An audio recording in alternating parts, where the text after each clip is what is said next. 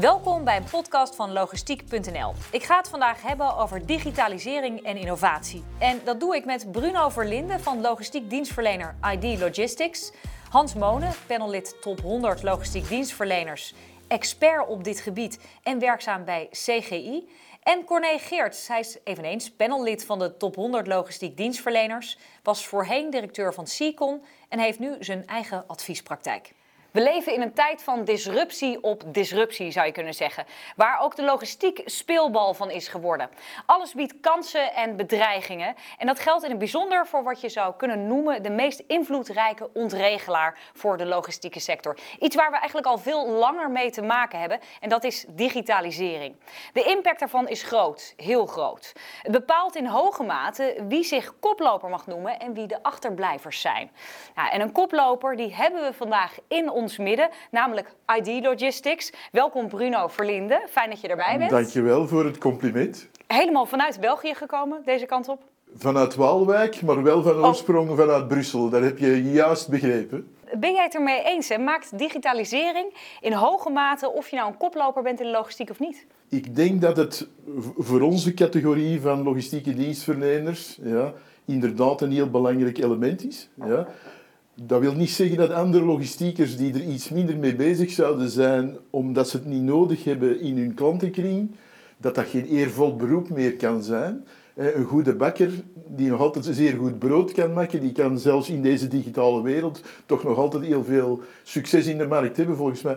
Maar het is ontegensprekelijk zo dat als je een, een logistiek dienstverlener wilt zijn eh, die in deze omnichannel wereld ja, onze klanten toegevoegde waarde qua productiviteit of qua betere samenwerking en zoveel wil leveren, dat je ermee bezig moet zijn. En ID Logistics is daar sinds zeer lang, zeer intensief mee bezig. We bestaan sinds 2001. Ja. We hebben 350 DC's. En we zijn nu ook bezig, want onze oorsprong is eigenlijk van eh, warehousing.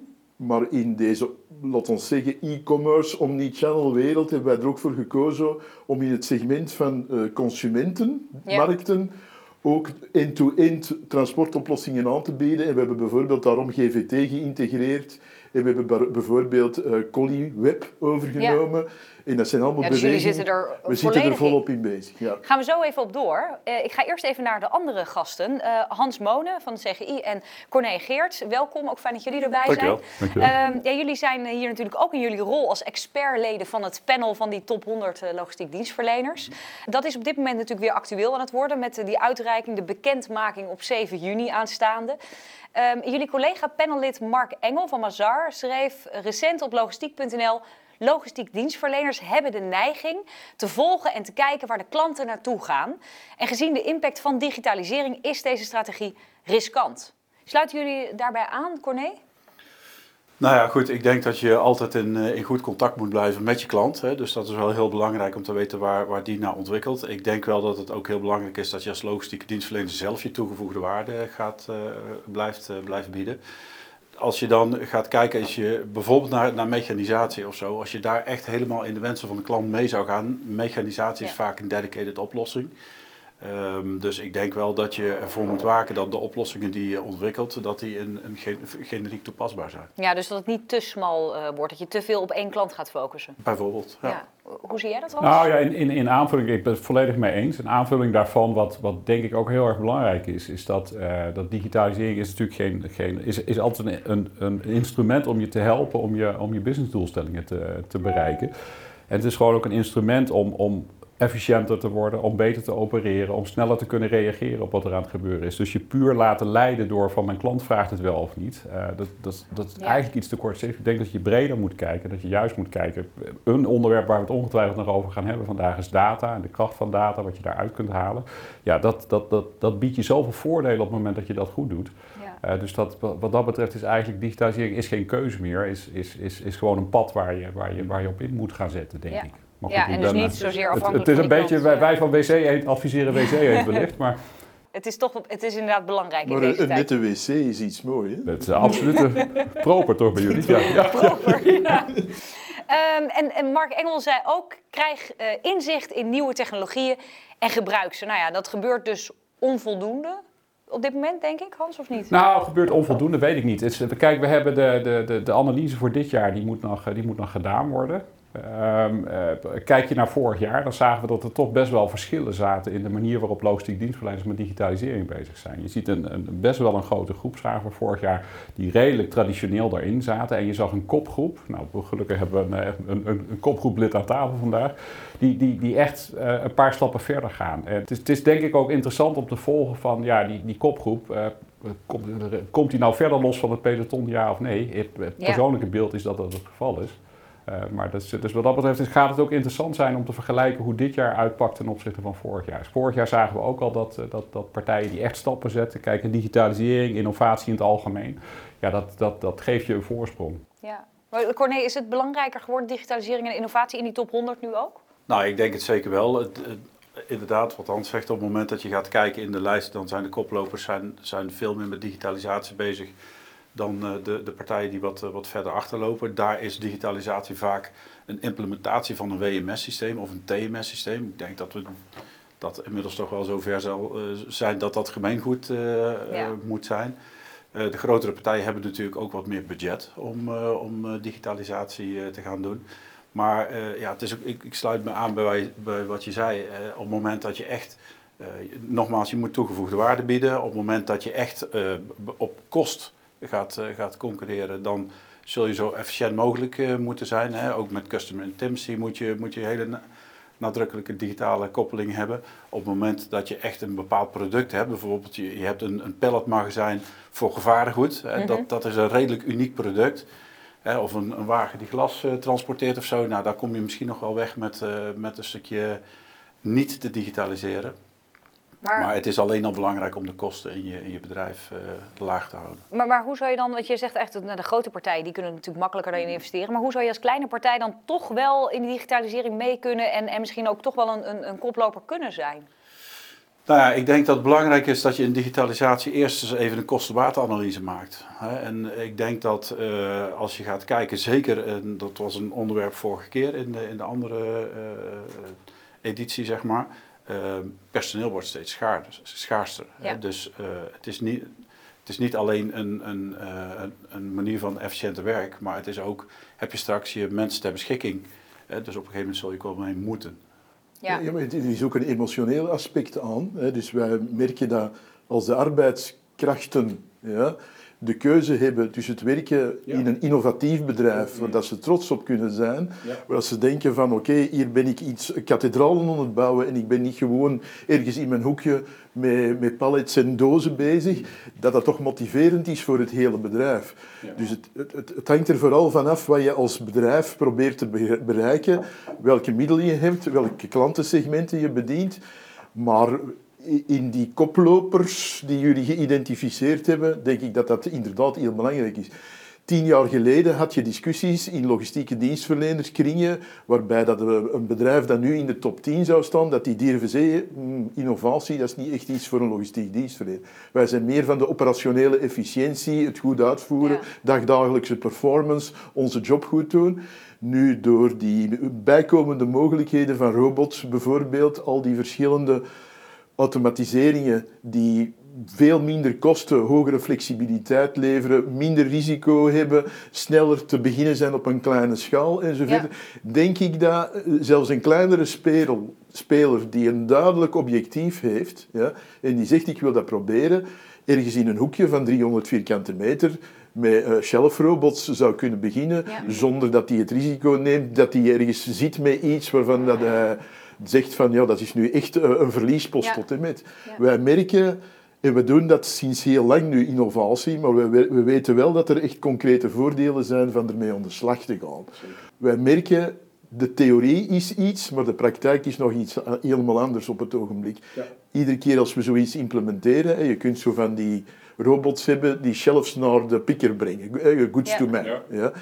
Op dat ogenblik hebben wij bijvoorbeeld gewerkt dat als je één venster hebt of twee vensters, dat de productiviteit van 250 lijnen per manuur naar 450 kan gaan door, de, door, dat, door dat Dus dat eenvoudige dingetjes. terugverdient.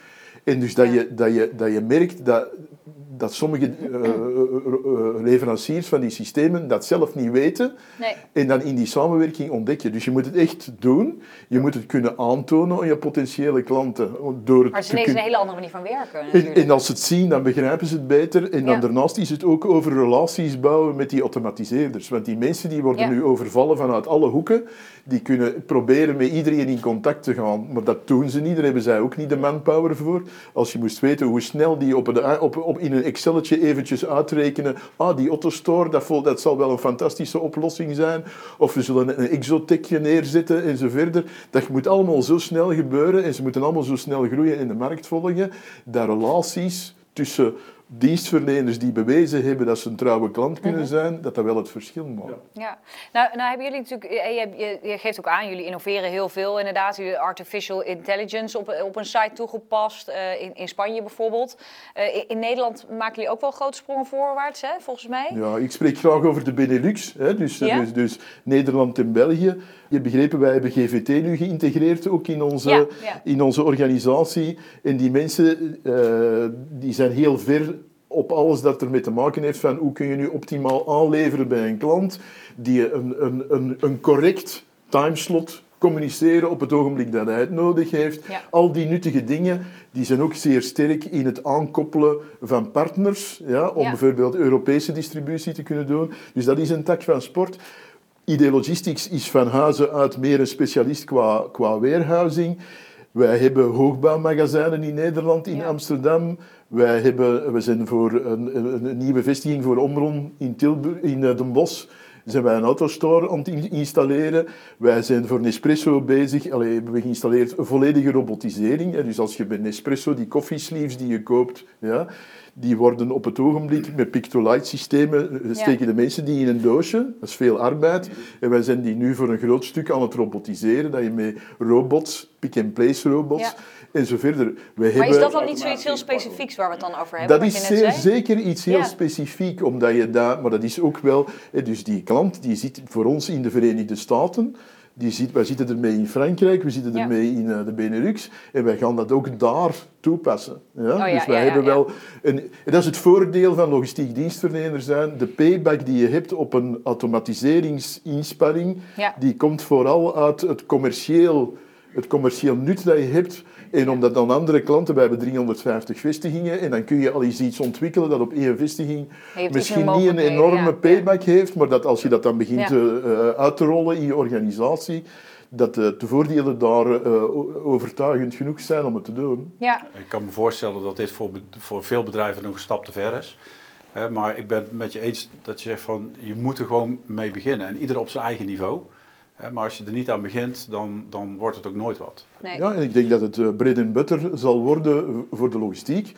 En dat, het hangt er allemaal van af. Als jij gewoon zeer goed je dienstverlening doet en je hebt je, je gevarengoedmagazijn en je bent een, een 100% betrouwbare partner om vanuit een locatie naar klanten eh, te leveren en zo verder, Ja. dan moet je heel je, je model en je organisatie niet op de schop laten gaan doordat je denkt van ik ben nu in een digitale wereld ver, verzeild. Je moet wel mee en je moet, en je moet spreken met mensen die de logistieke wereld, want ik heb dat gelezen van eh, dat we misschien te traditioneel bezig zijn. Ja. De vraag is ook, ik denk dat Nederland op zich toch trots mag zijn op het succes van zijn logistieke sector. Dus helemaal verkeerd eh, zijn we met z'n allen niet. Je vindt dat we wel digitaal genoeg bezig zijn, Nee, innovatief in genoeg? ieder geval, het, het, het, het, het, het, het bewijst zich in de praktijk. Ja. Dat we dan moeten altijd kijken van hoe kunnen we beter, dat is prima. Maar de mensen realiseren op hun manier goede successen. En ik wil alleen maar zeggen, doordat wij meer, denk ik, goede operatoren zijn, die technieken die ontwikkeld worden door gespecialiseerde bedrijven en gespecialiseerde mensen die daar fanatiek mee bezig zijn en die dan helpen. Wij doen bijvoorbeeld ieder jaar een innovatiedag. Ja. Waarbij dat wij vragen om 50 bedrijven of Ja. meer van iets voor te stellen. Daar kiezen wij er een zevental projecten, die krijgen allemaal 5000 euro. Ja, dus je geeft Die krijgen een vestiging aangeboden om mee samen te werken. Die mensen komen dan, die stoppen er tijd in, wij stoppen er wat geld en tijd in en dan roepen wij onze klanten bij elkaar en zeggen, kom nu eens luisteren. En Ja. welke zijn de drie? En er kan dan een, een proces zoals SNOP uitgekozen worden, dat we zeggen van, we willen, we willen een beter proces om de orderflow van 's morgens mee integreren, te integreren in de forecasting die wij zogezegd op lange termijn doen. Maar we willen weten wat het van... Maar zie je dit meer gebeuren, dit soort, Nou, ja, kijk, je verwijst, volgens mij verwees je naar het artikel wat ik vorig jaar na, na, Ja, de, na de verkiezing geschreven heb, eh, wat op, wat op logistiek.nl Ja. verschenen is. Nou ja, daar, daar, daar staat een observatie in dat er een kopgroep is. Er staat ook een observatie in dat er een deel, eh, nou, er nog niet zo nadrukkelijk mee bezig is. Maar daar, staat daar staat niet de uitspraak van dat, dat Nederland logistiek eh, weinig voorstelt. Nee, Want dat, is, nee, dat is namelijk helemaal niet. Nee, ik denk nee. dat we in Nederland een hele unieke positie zitten met een, met een krachtige logistieke sector. Eh, met, een- met, met, ook met een unieke positie tussen de havens, met het Europese achterland en dergelijke. Alleen digitalisering, en, en je noemde een paar hele inspirerende voorbeelden, met name vanuit die warehouse-operatie, wat je daar allemaal Ja. kunt doen en hoe dat je kan helpen om je operatie beter te maken. Digitalisering gaat natuurlijk nog veel verder. Het gaat ook over het heel Ja. goed begrijpen van je klant. Wat zit er nou aan te komen qua, qua orders? Wat zit er aan te komen qua, eh, eh, qua bestellingen die eraan zitten te komen? Wat wil die klant nou Ja. eigenlijk echt?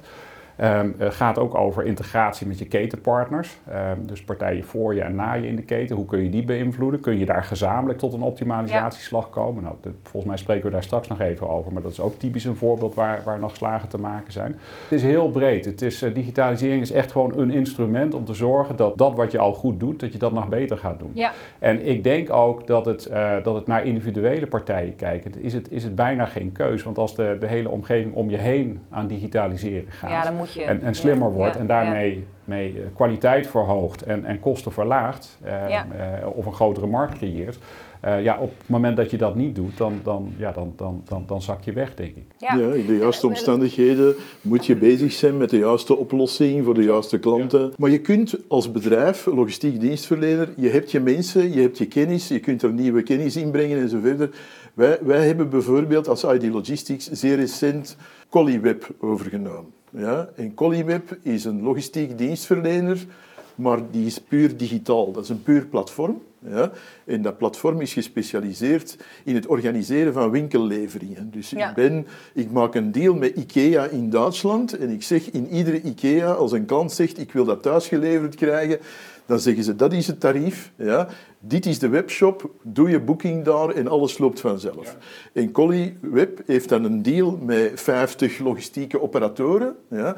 Die allemaal de mankracht Ja. hebben, de bestelwagens, en die allemaal in dat systeem zich ingeschreven hebben om dan voor hun zone krijgen die dan dat order en die hebben dan dat klantencontact. Die klant die kan dan zeggen van ik zit op de tweede verdieping, ik wil dat dat op dinsdag de zoveelste gebeurt, van drie tot vijf, dat lukt mij. Ja. Die komen dan in contact en die zorgen er dus voor dat de retailer aan de ene kant een vast prijspatroon heeft, dat iedere verkoper niet moet nadenken over wat moet ik hier nu aanrekenen, Nee. ik zal eens moeten bellen.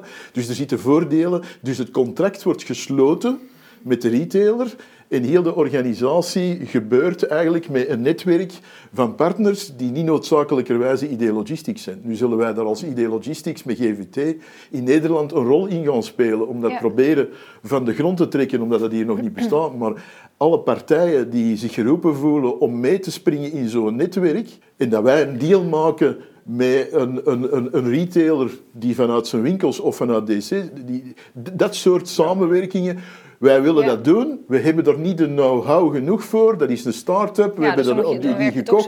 en ja. zo be it. En als Ja. dat in ons voordeel is en we kunnen die mensen gelukkig maken in voortgang. Ja. Wij hebben begrepen dat we veel kunnen proberen doen, maar dat we niet alles, niet alles zelf kunnen. Ja, ik, denk, ik denk dat je er als Ja. bedrijf ook eh, klaar voor moet zijn.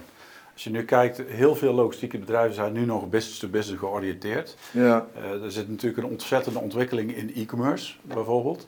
Maar er hangt een hele andere eh, emotie rondom e-commerce. Klanten zijn veel kritischer, het is allemaal veel korter qua lead time en, dat- en dat soort dingen.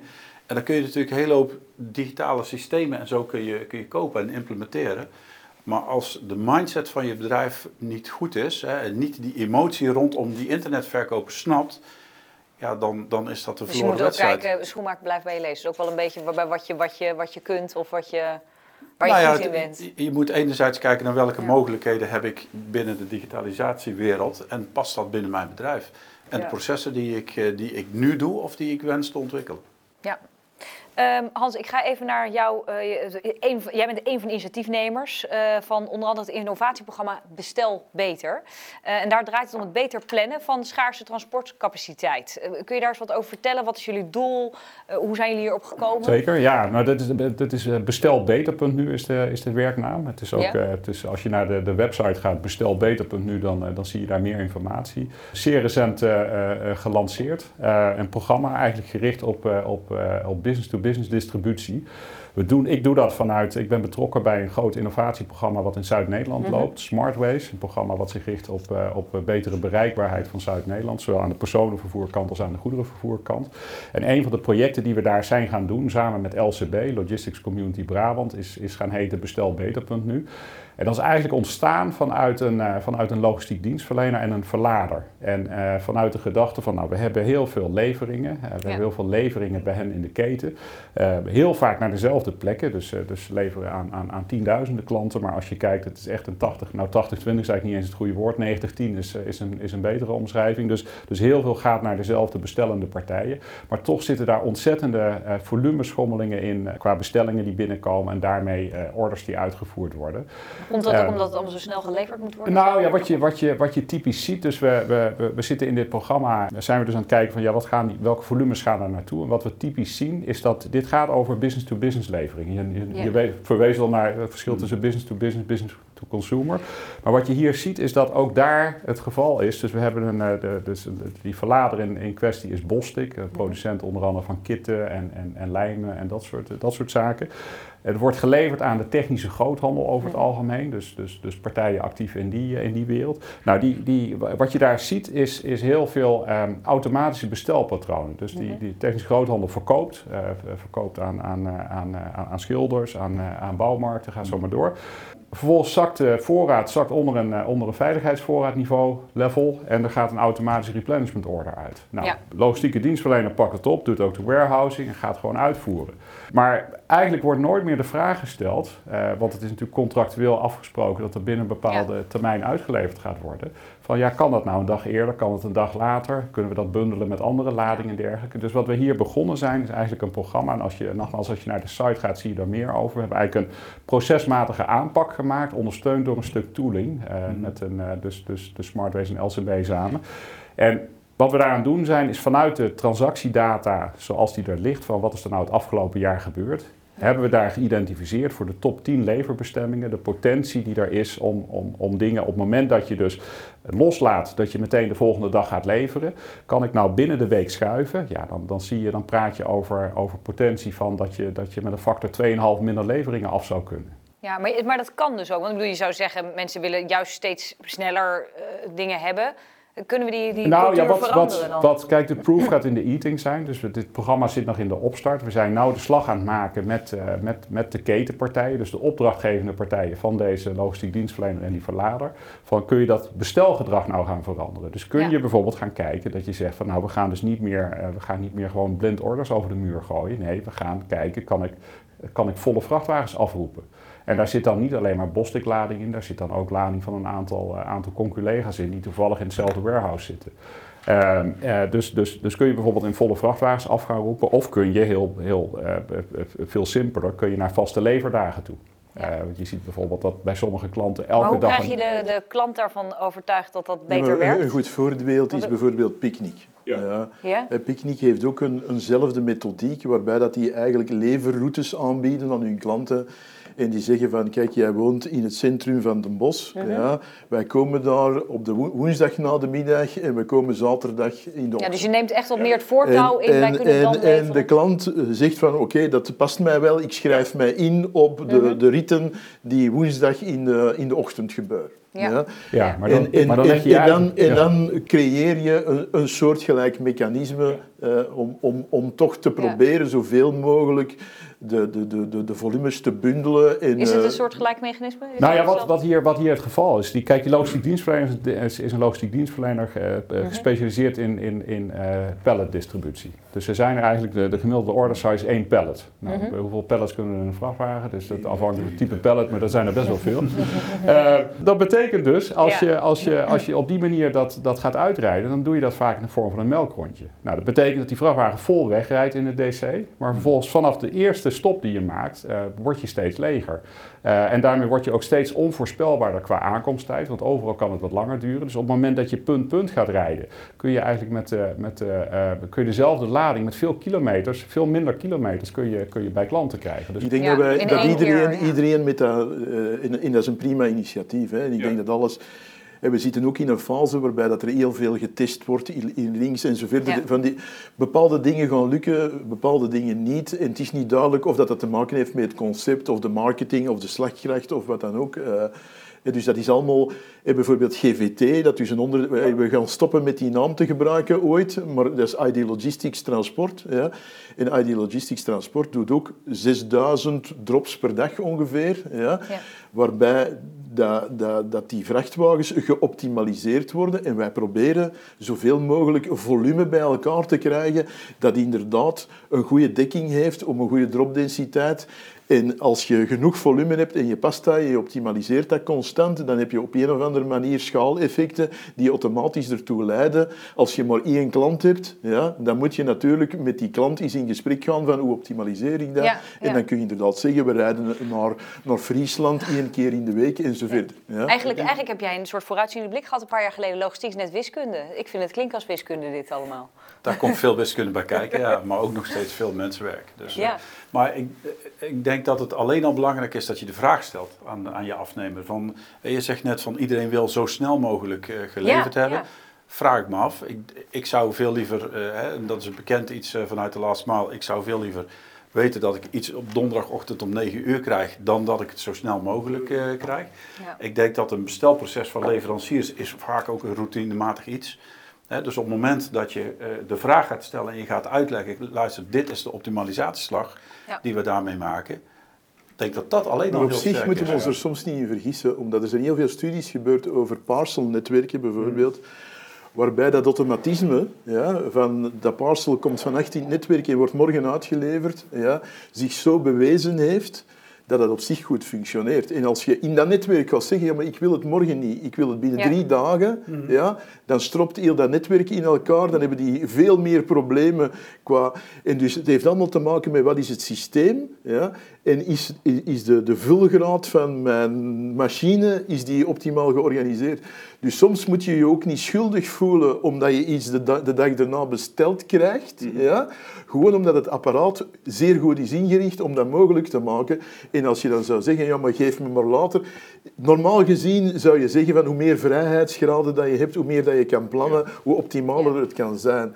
Maar het, het, het, zich schuldig voelen om iets snel te krijgen is in heel veel nee, gevallen. Nee, maar dat is, dat, is, dat is ook niet het punt. Maar deze discussie, waar eindigt die ook, dit digitale, dit, dit, zo'n discussie? Want dit kun je natuurlijk e- eeuwig uitkristalliseren. Nou ja, het, het, punt is niet per se dat, dat, dat zeg maar die, die één palletlevering dat dat slecht georganiseerd is. Dat, dat, is, dat is prima georganiseerd. Maar op het moment dat je dat dus nog een, nog een slag beter gaat doen, door dus, door, door dus naar grotere uh, drop sizes te gaan, dan word je voorspelbaarder. Tegelijkertijd zie je dat die, die partijen die bestellen in die, in die, uh, in die, in die handelsketen, ja, die hebben ook allemaal verduurzamingsdoelstellingen. Mm. Dus op het moment dat je op deze manier aantoonbaar naar minder kilometers kunt om hetzelfde te doen, ja, dan, dan, dan, er zijn dan heel veel, eh, ik wil zeggen, eh, dan schijnt hemel niet op aarde te bestaan. Ja? Omdat, er is heel veel discussie bijvoorbeeld in Amazon, waarom bouwt hij zijn eigen logistiek netwerk? Je kunt zeggen, ja maar jongens, je hebt PostNL, je hebt Bpost in België, waarom moet Amazon nu met zijn eigen bestelwagens? En die mensen die zeggen van, ja maar wij hebben zoveel commerciële slagkracht, wij willen niet dat onze slagkracht gebruikt wordt in een netwerk van een ander. En daarom dat je ook DHL, UPS, FedEx en zo verder, die zouden ook allemaal samen kunnen werken, maar die doen dat ook op een of andere manier uh, niet, omdat er ook commerciële belangen bij zijn. En dus iedereen zoekt op zijn manier naar zijn optimale wereld en probeert zijn assets en zijn voordelen zo goed mogelijk in te zetten, met allemaal in het achterhoofd van, van uh, in ons hoofd van we willen ook niet te gek worden, de planeet moet nog een tijdje mee en zo verder. Dus laat, ons, laat ons toch proberen daar ook aandacht aan te besteden. En ik denk dat alle klanten dat trouwens nu vragen, en dat is toch ook wel een positieve evolutie, dat digitalisering ook mee in functie staat van sustainability en zo verder. En dat er dus andere voordelen zijn dan alleen maar kostensnelheid en zo verder. Kortom, uh, nee, er is in ieder geval genoeg ook om te beoordelen voor die top 100. Nog heel even terug naar die top 100. Straks de, de nummer 1 of in ieder geval de, de top. Waar voldoen die aan voor wat betreft digitalisering op dit moment? Nou ja, goed, dat zijn in ieder geval de bedrijven die, die al een stuk uh, uh, gedigitaliseerd zijn, maar ook nadrukkelijk uh, aan het zoeken zijn van wat zijn er nog meer voor, voor mogelijkheden. Ja. En dat vullen diverse bedrijven vullen dat op diverse manieren in. Hè. Dus innovatief, innovativiteit vanuit hun eigen bedrijf. Hè. De, de, de, dagen waarmee je bijvoorbeeld met, met je leveranciers kunt praten. Eh, maar ik ben heel benieuwd uh, hoe zij de vertaalslag maken van de digitalisatie en de groeiende mogelijkheden naar de praktijk. En, uh... Trouwens, een groot compliment voor die denkoefening, want ik denk dat dat iedereen aanzet om daar toch net iets meer aandacht... Die denkoefening, neem ons even mee. De mensen die nog niet weten waar we het over hebben dan nu. Ja, de denkoefening van als je een ranking maakt, zou je gewoon kunnen zeggen van oké, wat is de omzet of de toegevoegde waarde? Ja. En hier wordt er ook mee gekeken naar kwalitatieve factoren. Van Ja. sustainability, innovatie en zo verder. Dus je weet dat je bijkomende punten kan scoren door daarmee bezig te zijn. Ja. En oké, de, de business is nog altijd eh, hoeveel omzet, hoeveel marge maak je en zo verder. Maar wij zijn daar allemaal in de logistieke wereld mee bezig, omdat we toch op een of andere manier niet graag achteruit gaan en liever vooruit gaan in zo'n ranking. Ja. Dus dat is wel slim. Nou ja, ik kan jou alleen maar heel veel succes wensen straks. Wij voor- gaan met daar het naartoe werken naar die top iedere 100. dag zijn we ermee bezig.